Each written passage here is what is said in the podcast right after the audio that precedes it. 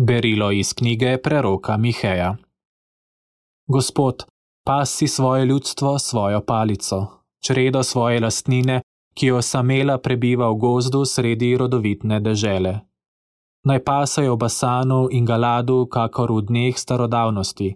Daj nam videti čudežna dela, kakor v dneh, ko si šel iz Egipta. Kdo je Bog, kakor ti, ki odjemlješ krivico? Ki odpuščaš greh ostanku svoje dediščine. Ne ustraja večno pri svoji jezi, zakaj všeč mu je usmiljenje. Zopet se nas bo usmilil, pod noge si bo vrgel našo krivdo, v globočino morja vse naše grehe.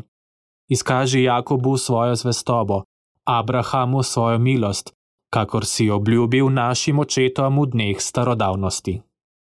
To je Božja beseda. Bogu hvala.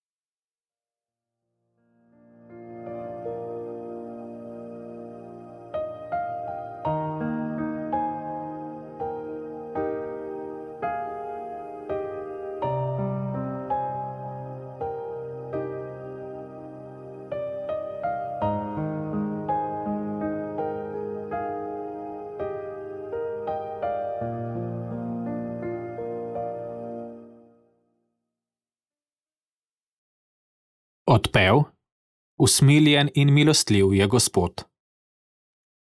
Slavi moja duša Gospoda in vse, kar je v meni, njegovo sveto ime.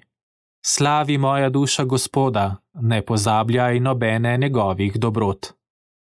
Usmiljen in milostljiv je Gospod.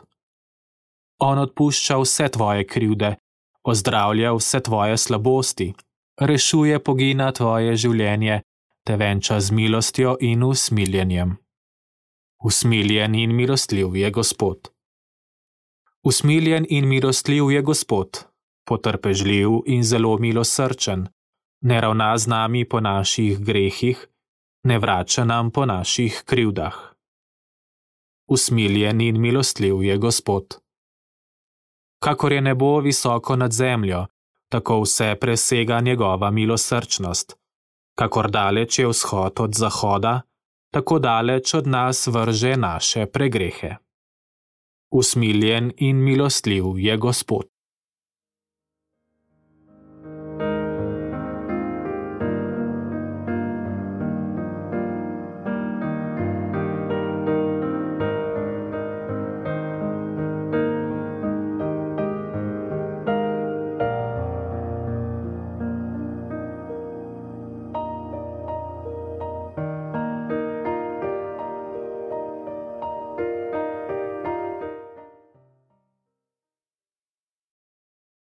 Jaz sem luč sveta, govori Gospod, kdo hodi za menoj, bo imel luč življenja. Iz svetega evangelija po Luku. Tisti čas so se Jezusu približevali vsi cestninari in grešniki, da bi ga poslušali. Farizej in pismovki so ga drnjali, ta sprejema grešnike in z njimi je. Povedal jim je pa to priliko. Neki človek je imel dva sina. Mlajši izmed njih je rekel očetu: Oče, daj mi delež imetja, ki mi gre. In razdelil jima je imetje. Malo dni zatem je mlajši sin spravil vse stvari skupaj in odpotoval v daljno deželo, in je tam zapravil svoje imetje z razuzdanim življenjem. Ko je pa vse potrošil, je nastala v tistem kraju huda lakota in je začel stradati.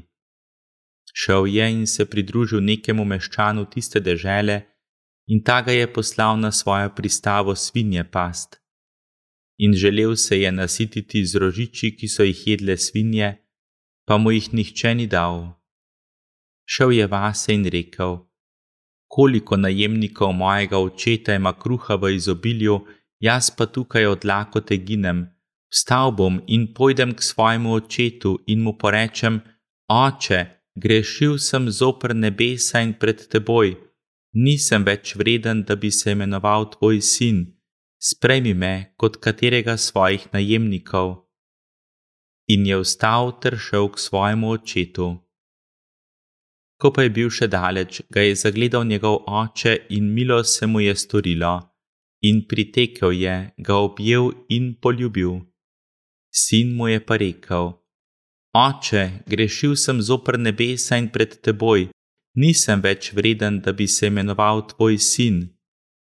Oče pa je velel svojim služabnikom: Brž prinesite najboljše oblačilo in ga oblecite, in dajte mu prsta na roko in čevlje na noge, in pripeljite pitano tele in ga zakoljite, in jejmo ter se veselimo. Ta moj sin je bil mrtev in je oživel, je bil izgubljen in je najden, in začeli so se gostiti. Njegov starejši sin pa je bil na polju. Ko se je domov grede približal hiši, je zaslišal godbo in ples. Poklical je enega izmed služabnikov in vprašal, kaj bi to bilo. Ta mu je rekel: Tvoj brat je prišel in tvoj oče je zaklal pitano tele, ker ga je spet zdravega dobil. Ujezil se je in ni hotel stopiti. Njegov oče je torej prišel ven in ga pogovarjal. Ta pa je očetu odgovoril: Glej, toliko let ti služim in nikoli nisem prestopil tvojega okaza, pa meni nikoli nisi dal kozliča, da bi se poveselil s svojimi prijatelji. Ko pa je prišel ta tvoj sin, ki je zapravil svoje metje s hotnicami, si mu zaklal pitano tele. On pa mu je rekel: Sin, ti si vedno pri meni in vse moje je tvoje gostiti in veseliti pa se je bilo treba, ker je bil ta tvoj brat mrtev in je oživel, bil je izgubljen in je najden. To je Kristusov evangelij. Hvala tebi, Kristus.